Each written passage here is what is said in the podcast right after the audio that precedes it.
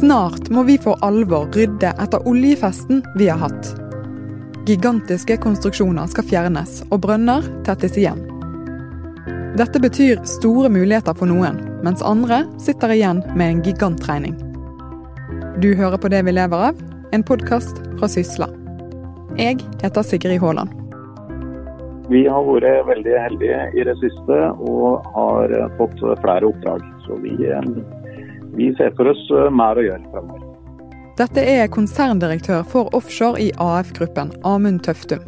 De er en av de ledende aktørene innenfor dette segmentet i Nordsjøen, og blir kontaktet når et oljeselskap ikke lenger ser det som lønnsomt å drive videre på et felt. Vi kommer gjerne inn og kartlegger hva plattformen inneholder, sånn at vi vet nøyaktig hva den inneholder av, metaller og komponenter og eventuelt miljøfarlig avfall. Så blir det gjort en rengjøring, ofte ute på feltet, eh, og så klargjør vi eh, plattformen for fjerning. Et løftefartøy frakter deretter plattformen til et landanlegg der den blir hugget opp og så går videre til gjenvinning.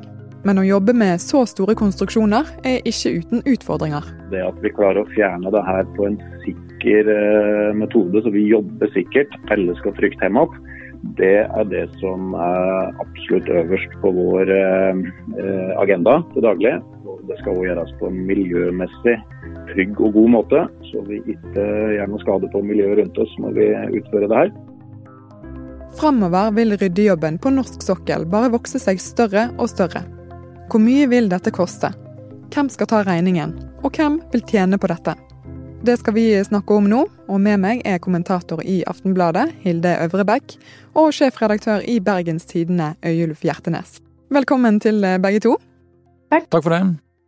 Hilde, aller først, hvorfor må vi egentlig rydde på norsk sokkel? Ja, Vi gjør det jo egentlig fordi vi har forplikta oss til å rydde opp etter oss. Vi kan ikke la disse installasjonene bli stående. Eh, vi må forholde oss til internasjonale regelverk og avtaler, bl.a. Eh, Oslo-Paris-konvensjonen som sier at eh, petroleumsinnretninger kun i svært begrenset grad kan etterlates på stedet etter endt bruk. Eh, så vi, vi, er jo nødt til å, å, rydde opp etter den aktiviteten som vi har hatt. Vi kan ikke etterlate oss noe eh, masse plattformer ute i sjøen. Og Helt uavhengig av hva vi har forplikta oss til og ikke, så eh, vil jo jeg mene det at det er en forpliktelse som det norske samfunnet har, å rydde opp etter den aktiviteten som har vært uh, på sokkelen.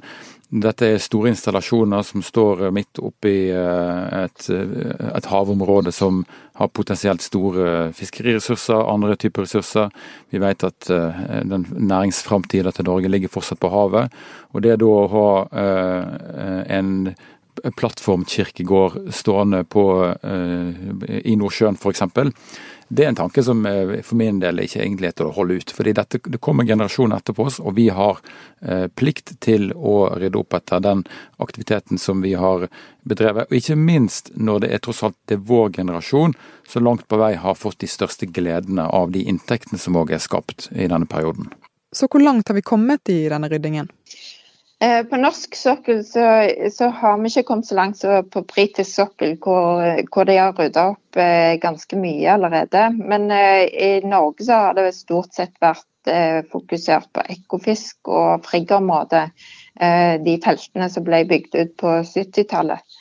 Eh, men i de neste tiåret omtrent så skal, skal det tas til land og hogges opp, eh, bl.a. 14 eh, plattformer. Eh, nesten 2000 tonn med subsea-utstyr, nesten 300 km med rørledninger, og det, det er totalt nesten 200 000 tonn som skal fraktes til land. Så det er jo store ting som skal skje i tiden fremover.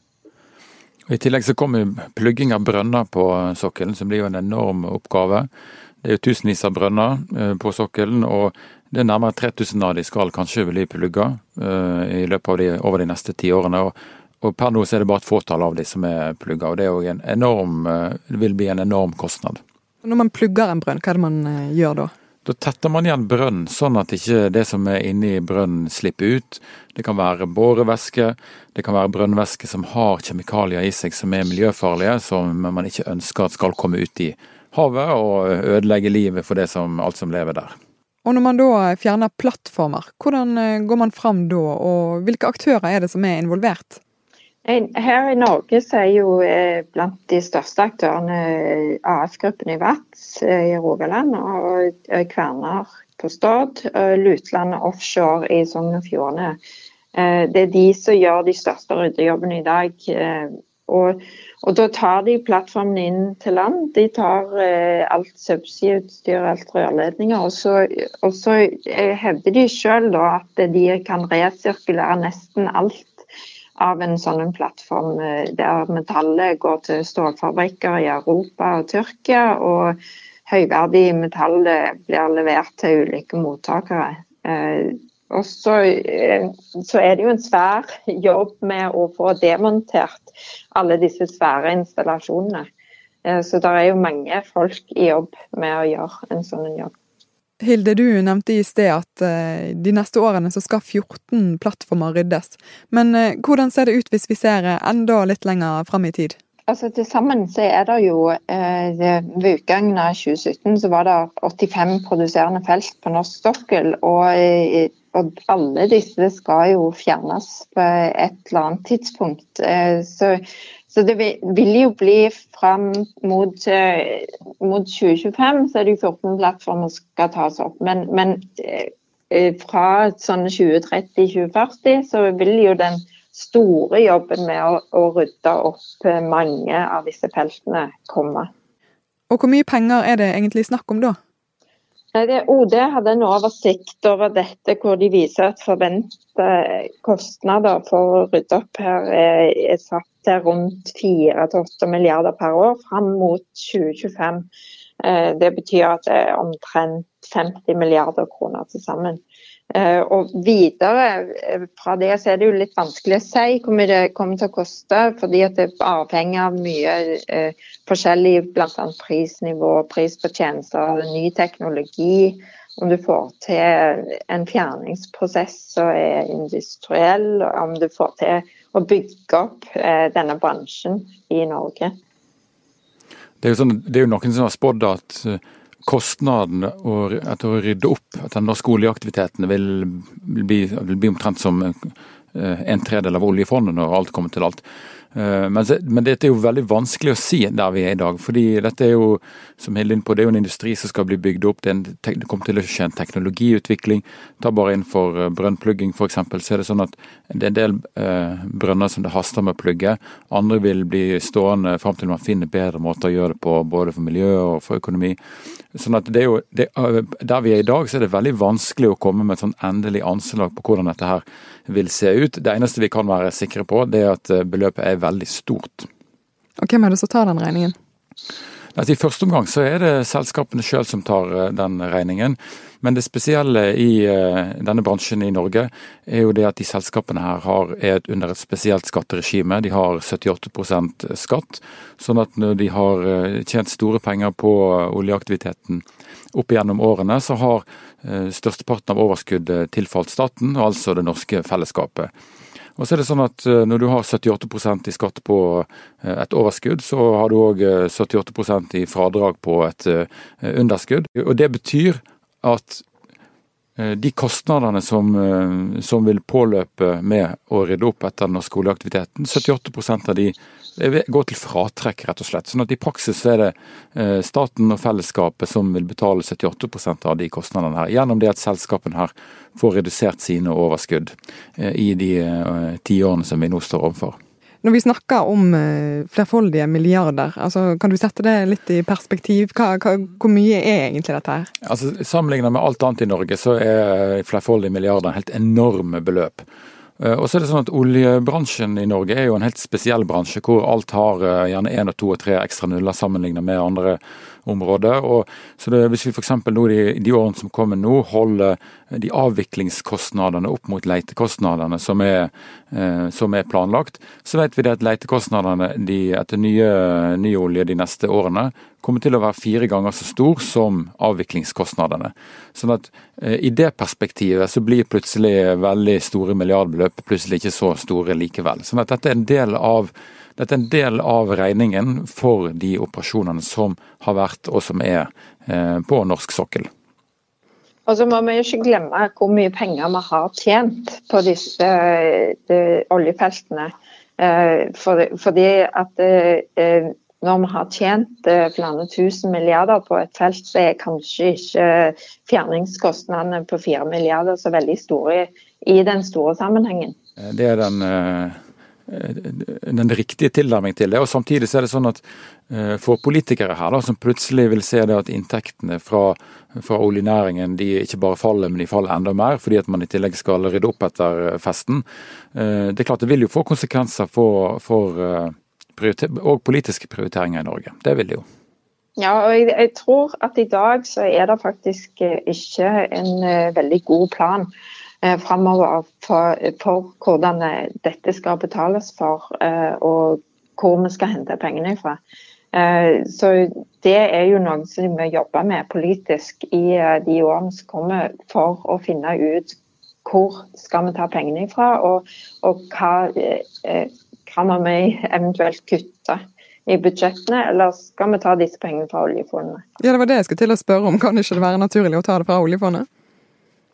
Det, er jo noen som har argumentert for det, eh, men, eh, men det er jo eh, litt problematisk det òg, å begynne å tappe oljefondet for penger.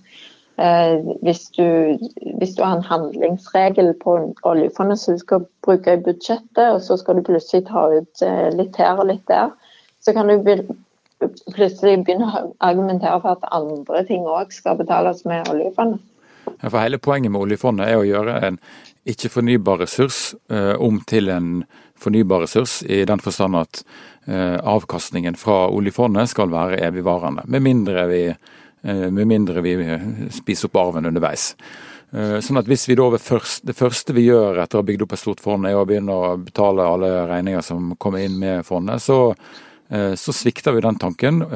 Og, tanken, og Det er en veldig god tanke, fordi den handler om at vi som lever i dag, Eh, vi sitter, vi sitter, på en grønn grein. Det var vi som var her den gangen eh, Norge fant olje i bakken.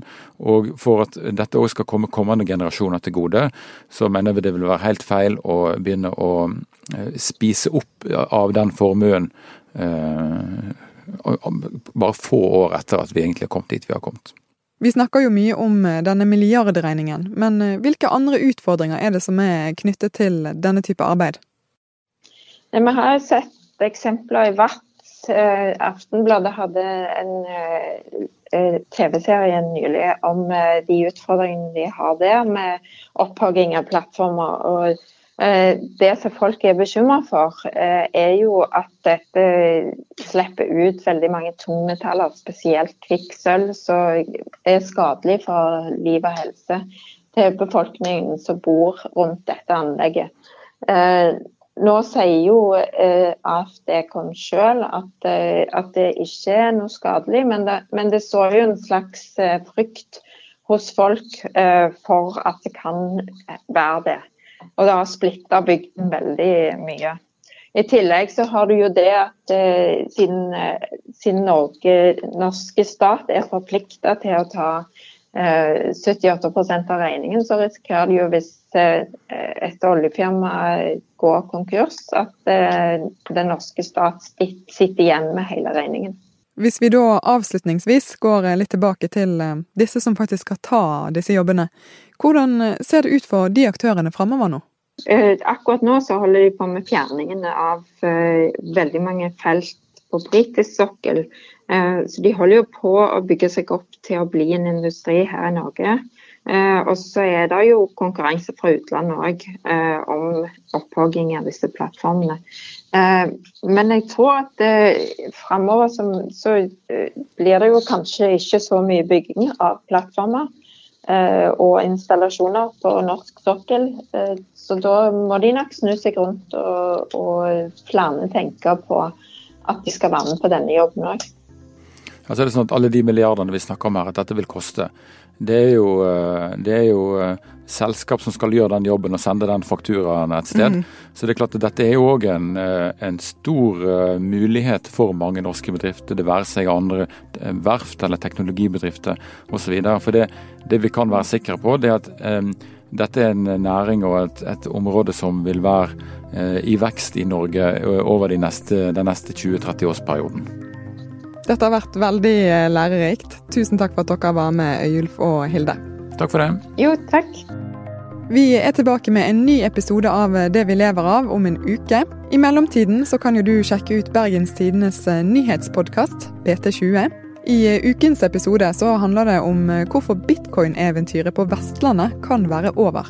Og om du har innspill til hva vi bør snakke om i denne podkasten, så kan du sende en mail til podkast.sysla.no. Det er altså podkast med K. Produsent for Det vi lever av er Henrik Svanevik. Jeg heter Sigrid Haaland. Tusen takk for at du hørte på. Hei der. Mitt navn er Christian Kofod, og jeg jobber med annonse i Sysla. Har du lyst til å snakke direkte med flere tusen næringslivsinteresserte i hele Norge? Ta kontakt med meg på christian.kofod Det er Christian med K og Kofod, K-O-F-D, krøllalfa, skipsted.no. Vi snakkes!